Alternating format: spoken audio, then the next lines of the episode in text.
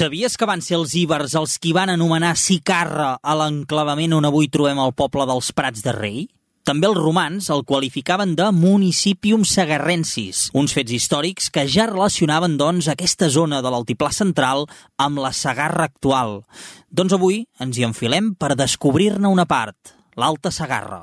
RAC més i Securitas Direct us ofereixen Racons de Catalunya, un podcast per conèixer el país d'una altra manera amb Martí Oliveres. Com sona l'Alta Sagarra?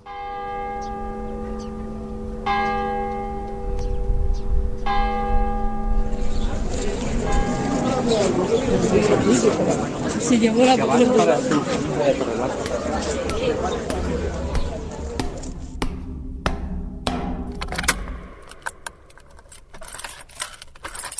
T'envio potxons de la vall Recordo el fred... L'Alta Sagarra és una comarca natural situada en ple altiplà central al vell mig de Catalunya.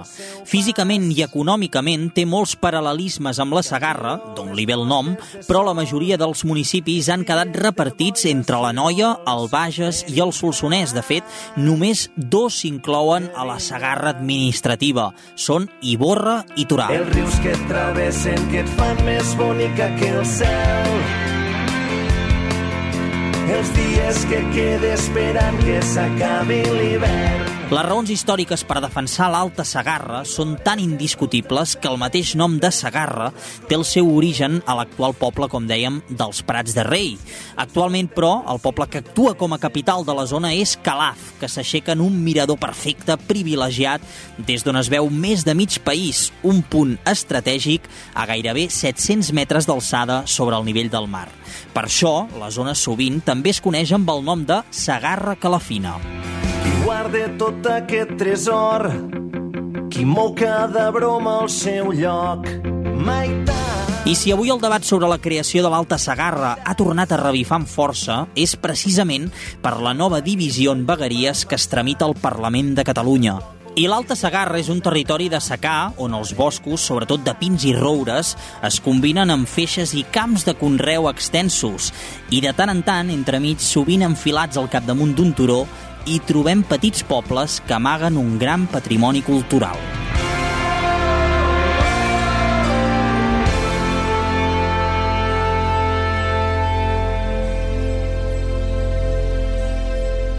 Mireu, sóc a l'Alta Sagarra, la primera parada és el poble de Pujal. És un poble molt petit, enfilat amb un turó, amb unes vistes privilegiades. Penseu que sóc a més de 700 metres d'alçada sobre el nivell del mar, és l'altiplà central, aquesta zona que transita, entre tres províncies pràcticament, perquè tenim Lleida a tocar, Tarragona no massa lluny, la Conca de Barberà, i som a la província encara de Barcelona, perquè som a la Noia. Eh? Parlem de l'Alta Sagarra, però administrativament a la Noia. I en aquest poble, per què? Doncs perquè hi ha un observatori meteorològic i astronòmic molt important, és de referència a Catalunya i ens va molt bé a les dones i als homes del temps doncs, el seguiment de, de tant de l'astronomia com de la meteorologia de les dades que passen doncs, al nostre país.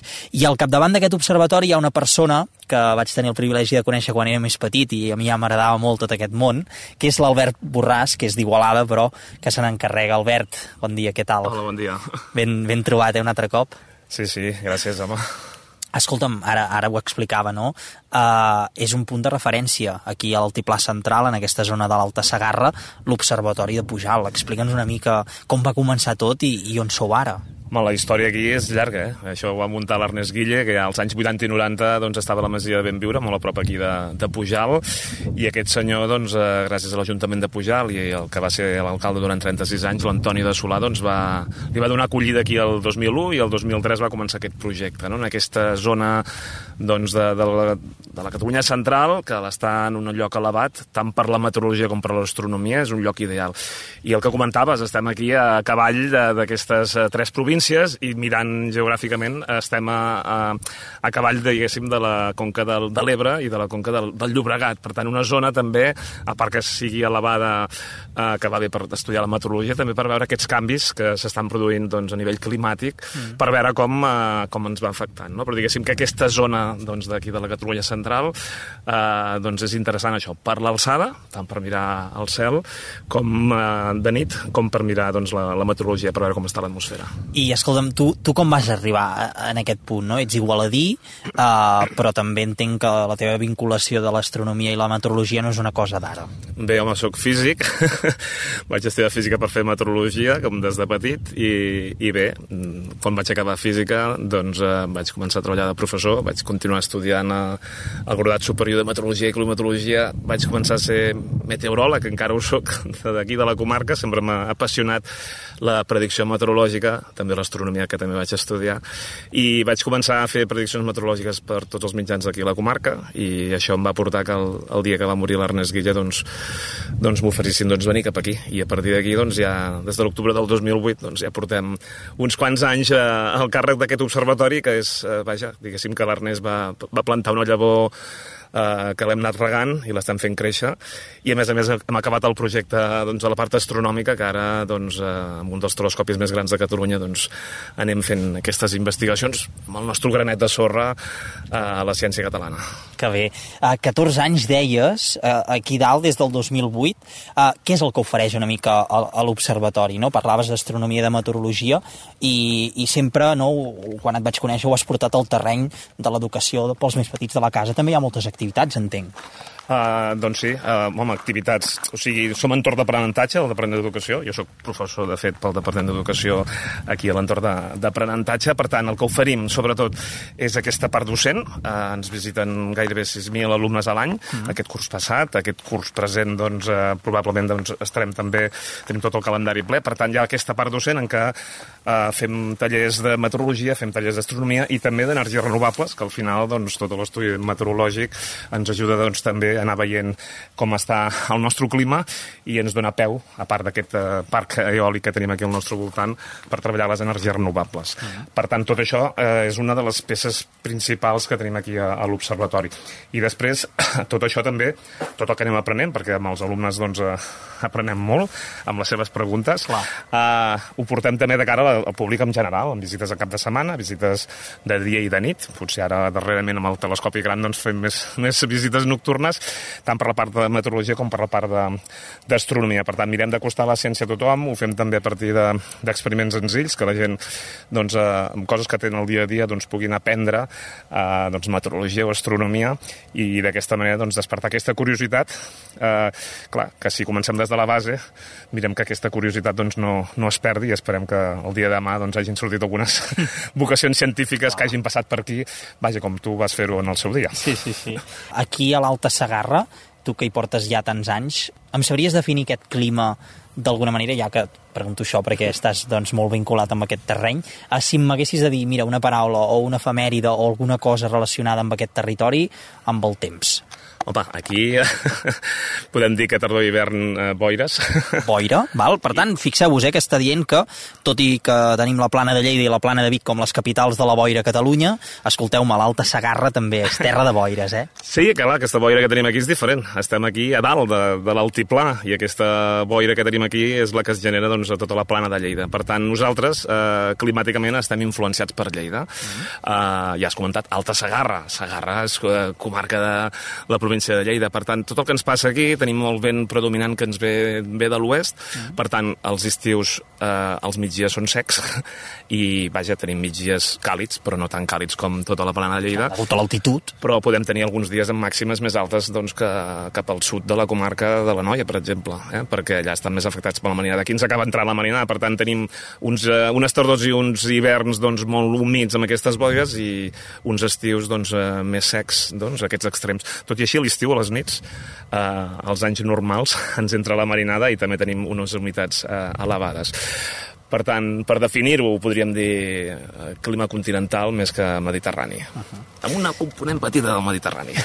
Perquè no és lluny, eh? En línia recta, que 50 quilòmetres, 60... Sí, una miqueta més de 60, sí. Doncs res, ja ho sabeu, eh, aquí a l'Observatori de, de Pujal, eh, Observatori Astronòmic i Meteorològic de l'Alta Noia, tot i que geogràficament, eh, naturalment, es parla d'aquest territori que és l'Alta Sagarra. Albert, res, un plaer retrobar-nos i fins aviat i per molts anys d'aquesta tasca i gràcies perquè feu una feina molt, molt important per, per nosaltres, que ens hi dediquem, no?, i per les generacions que vindran. Gràcies a vosaltres i per nosaltres és un plaer. Vull dir que la ciència és això, un treball en equip. all this natural information.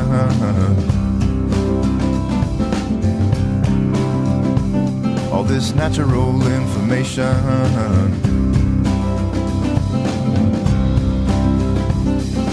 Got me in a state contemplation. Ara sóc a Calaf, a la capital de l'Alta Sagarra, i ara estic entrant al castell de Calaf.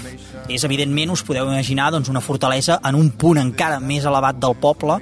Tenim el campanar i tot el poble als nostres peus. I aquí dins he quedat amb la Màriam Vilaseca, que és la persona encarregada de promoció econòmica, comerç i turisme d'aquest punt de, de l'Alta Sagarra, de Calaf. Anem a veure si, si la trobem aquí dins. Marian, bon dia. Bon dia. Hola, Com estem? Bé, bé, molt bé. Escolta, quin lloc, eh? Aquest, aquest castell, castell de Calaf. Castell mil·lenari. Mil·lenari. Mil·lenari. De quina edat exacta? Mm, Del segle XI. Mil, mil, mil, mil, 10, 1015. Déu-n'hi-do, déu nhi déu 1015, ah, són més de mil anys en aquest punt. Sí, sí. Um, clar, el poble ha anat creixent, ha anat canviant tot, i en canvi el castell s'ha mantingut. Bé, es va restaurar sí, i va passar moltes moltes èpoques del castell que va quedar molt enderrocat. Mm, Bueno, ara tenim un recurs turístic que és el castell en realitat virtual que dona una idea de totes les èpoques que ha anat passant el castell i està bé per veure una mica l'evolució de, de tots els anys. Tu ets calafina? Ets d'aquí? Sí, de tota la vida, nascuda aquí, sí. Molt bé.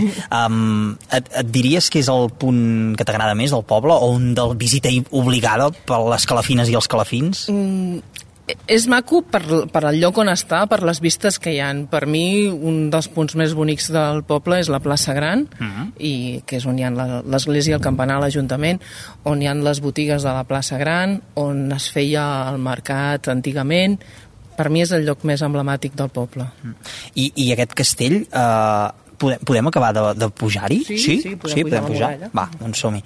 Um, clar, aquest castell, una fortalesa que, que, que protegia Calaf i aquesta zona d'Alta Sagarra de, dels atacs, entenc, no? D'aquella època mil·lenària. No era el castell més important de la zona, però sí, feia les funcions de defensa. Ara som en aquest punt de l'escala de Cargol. Anem, anem pujant, fixeu-vos, eh?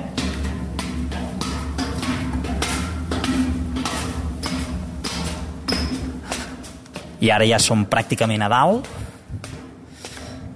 I fixeu-vos, eh? Aquí, pf, vosaltres no ho veieu, però estic pujant aquí per això, eh? Per convidar-vos a pujar en aquest punt emblemàtic de Calaf, que és aquest castell mil·lenari. Es veu el que em deies, oi? Aquí sota Marian ara la plaça, de, la plaça del centre, no? la plaça gran, l'església i el campanar. Escolta, crida molt l'atenció aquest campanar. Quan vas per l'eix, eh, es veu des de tot arreu, fas la volta per aquí unes curves i encara la cúpula treu el cap. Sí, és el tercer més, alt, més alt de Catalunya, 56 metres.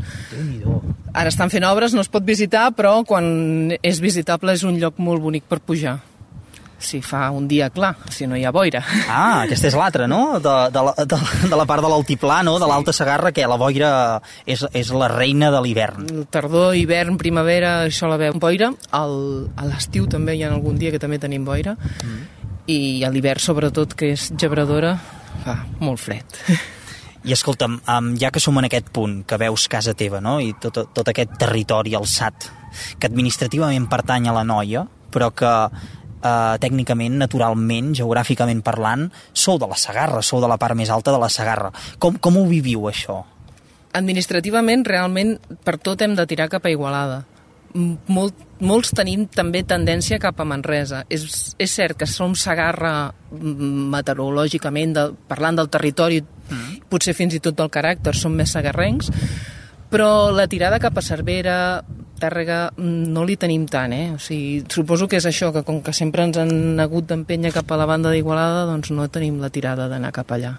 El territori ho marca, nosaltres som conreu, no som indústria, com tota la banda de la noia, i els recursos que ens poden arribar no van mai adreçats ni a la part de territori que som nosaltres, això, el tema de la, del conreu, de la ceràmica, no tenen res que veure les nostres característiques amb tota la resta de la noia.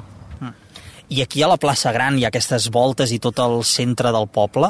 Um, S'ha parlat molt sempre de la dita popular del mercat de Calaf, i a vegades amb un to potser despectiu. Sí, cert. Els que som de fora ho vivim així, no? El mercat de Calaf. Els que sou d'aquí, què, què, ens en pots dir? El que diuen, no? Això sembla el mercat de Calaf, sempre es parla de, com si fossin molt cridaires i, i no és així. O sigui, el, sembla el mercat de Calaf és degut al fred. La llegenda és, és parla d'això, del fred que hi feia, que es van glaçar les paraules i quan va sortir el sol es van desglaçar totes de cop i per això es va formar un gran guirigall. La plaça Gran és un, una zona molt ombrívola que és on s'hi feia el mercat abans. Mm. Per tant, no hi toca el sol fins ben bé migdia tirant cap a la una. Mm, jo entenc que abans, que a més a més també feia més fred que ara, doncs la gent al mercat ho devia passar malament. I, bueno, ara que no hi ha res, o sigui, dintre de tots els, les arcades dels, de la plaça Gran hi havia les botigues, tots els comerços estaven aquí fins que va marxar el mercat cap al centre del poble i les botigues amb ells. Ara tenim les botigues de la plaça Gran, que és un recurs turístic també, que, que el que fa és recordar com eren les botigues eh, al segle passat, des de 1900 fins, a, fins al 2000, que alguna van tancar els anys cap al 2000, 2006. Molt bé, doncs ja ho sabeu, eh? aquest punt estratègic que és Calaf, capital de l'Alta Sagarra, i aquest punt on estem doncs, passejant acompanyats de la Marion és realment una, una meravella, les vistes d'aquest punt de, de la resta de la, de la comarca, i veiem Montserrat també al fons, eh? Sí, sí, sí. Es, es veu Montserrat, el castell de Buixadors, el, tota la serra del Pirineu, tot, des d'aquí. tens Hi ha una mica de part de, de, de la Sagarra pròpiament Sí, dita, eh? sí, sí, i al, al fons Montsec, o sigui que... mm, Ideal per venir. Ideal. Doncs ja ho sabeu, eh? Aquí a, aquí a Calaf us espera, us espera un bon patrimoni i aquest tercer campanar més alt de Catalunya, el de Calaf. Res, que vagi molt bé, Marian. Gràcies, Fins ara. moltes gràcies.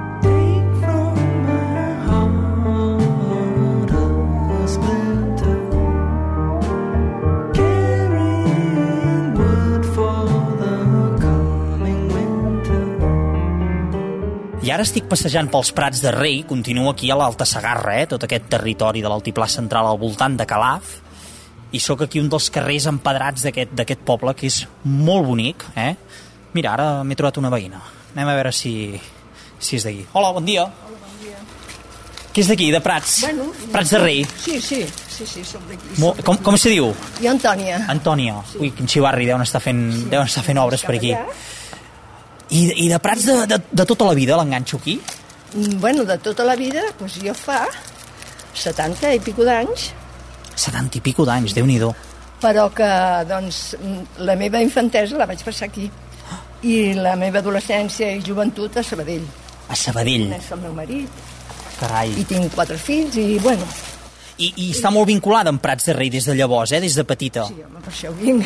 Sí, sí, doncs, és un poble que jo l'he vist pràcticament despullat.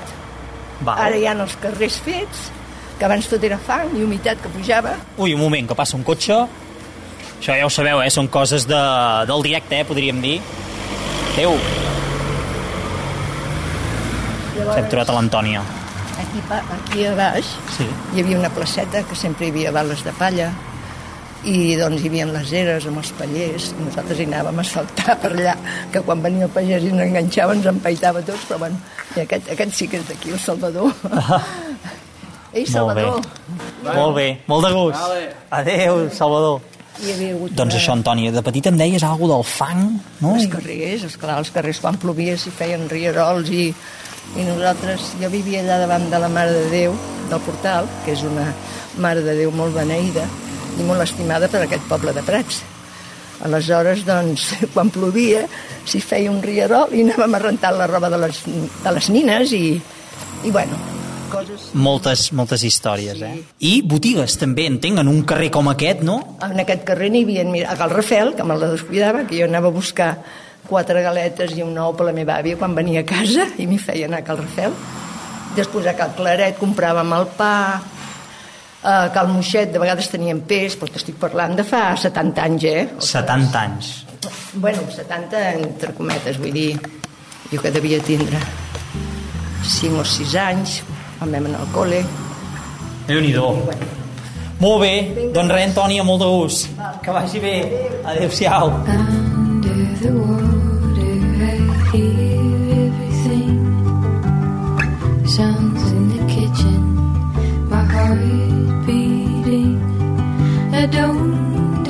I ara, abans de continuar, deixeu-me que us recordi que ja tenim aquí a la Sònia i ens donarà alguns consells i recomanacions de Securitas Direct per protegir tot allò que val la pena de casa nostra.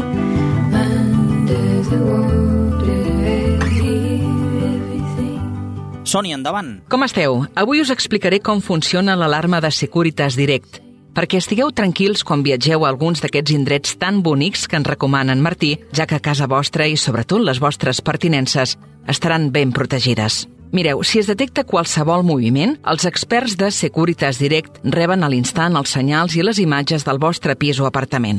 Així la policia pot comprovar-les i, si cal, desallotjar la casa. A més, a través de l'app podeu veure el vostre habitatge quan vulgueu. O imagineu que hi ha un perill real al vostre domicili. Els experts de Securitas Direct avisen la policia a l'instant mentre segueixen parlant amb vosaltres per informar-vos en tot moment de com evoluciona la situació. A més, a l'app hi han inclòs el botó SOS perquè pugueu avisar-los quan sigueu fora de casa i en qualsevol moment. I si és necessari, enviaran un vigilant a casa vostra perquè miri que tot està bé. Així d'eficient és l'alarma de Securitas Direct, i és que casa vostra o el vostre pis o apartament és on hi ha tot el que val la pena protegir. Si per a vosaltres és important, confieu en Securitas Direct.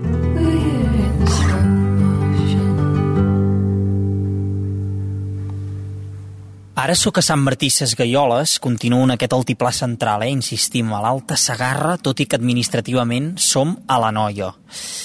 I ara sóc a la capella del Roser i he quedat aquí dins amb en Martí Coral, que és de Patrimoni a Noia, eh? tota aquesta gent que posa en valor tot aquest patrimoni que hi ha en aquest territori de l'Alta Sagarra.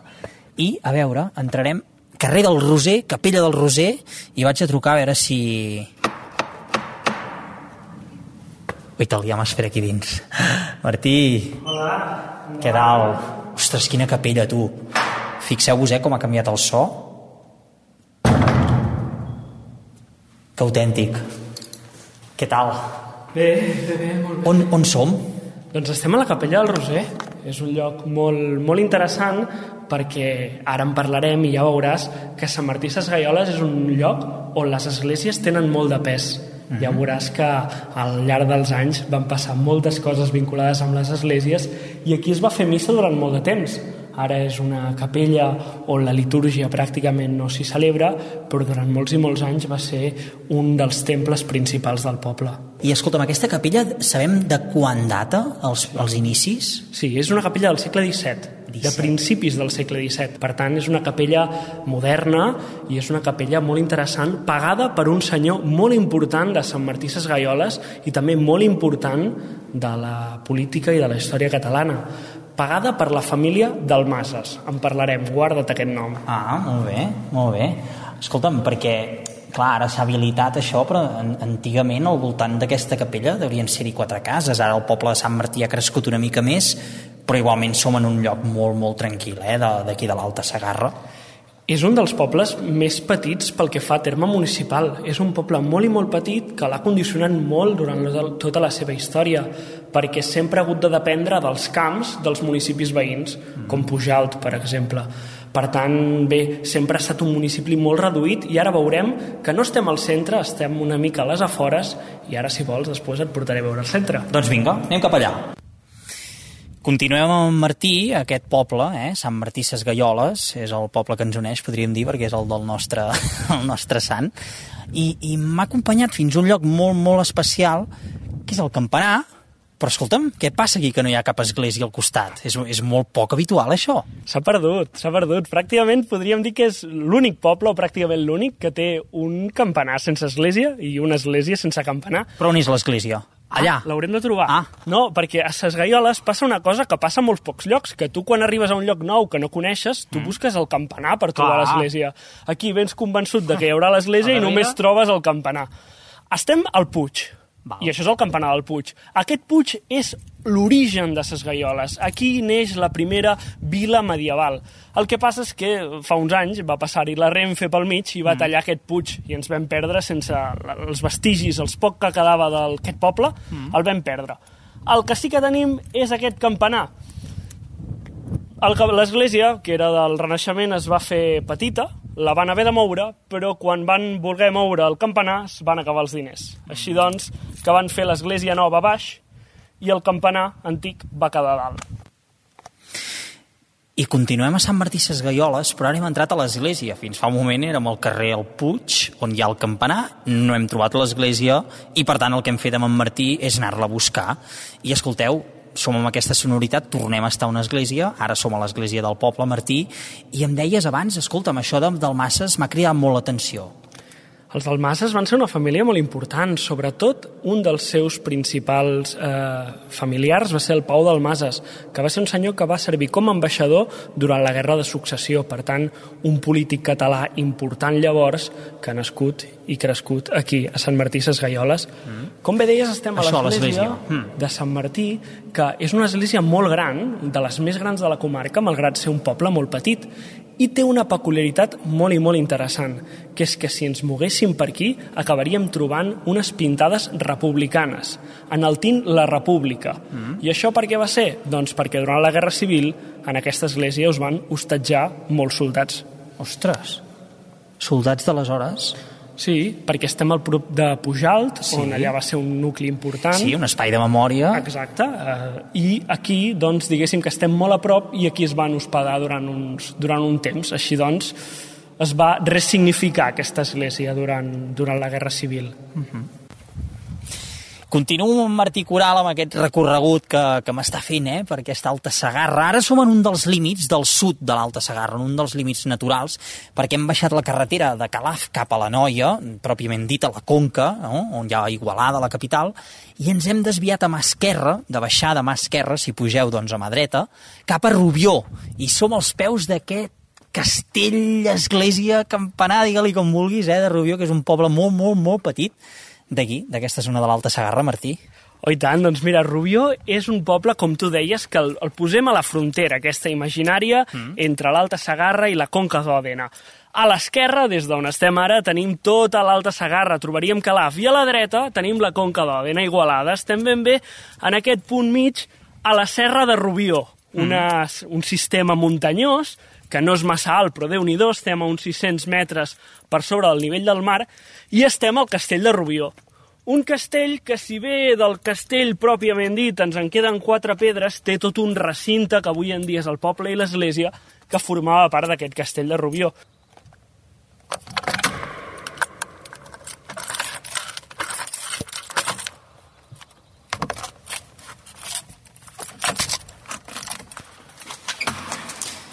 I ara estem entrant a aquesta Santa Maria de Rubió, eh? aquesta església, ostres, espectacular. Hi ha un retaule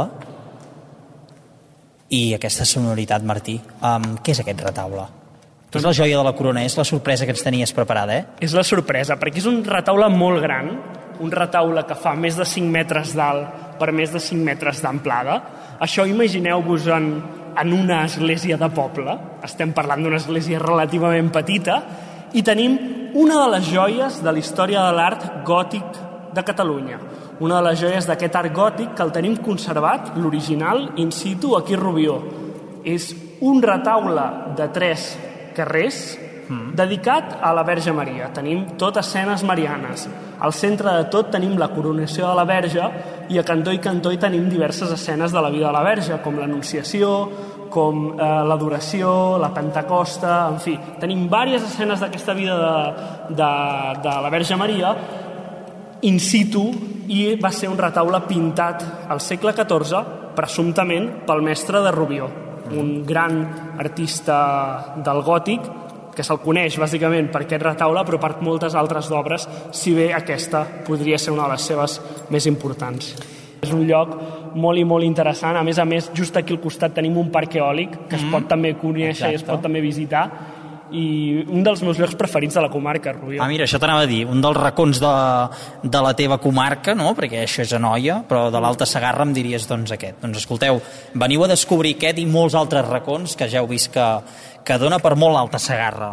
Va, Martí, res, et deixo que vagis continuant i ens veiem, ens veiem en una altra ocasió. Gràcies, que vagi molt bé. A vosaltres, que vagi molt bé. Fins una altra. Someone get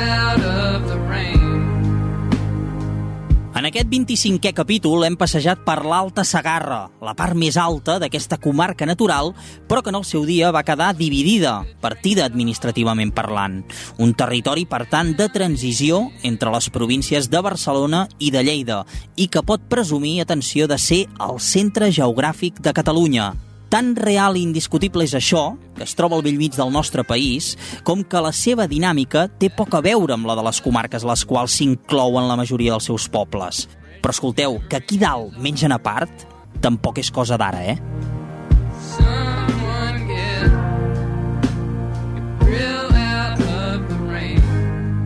RAC més i Securitas Direct us han ofert Racons de Catalunya amb Martí Oliveres.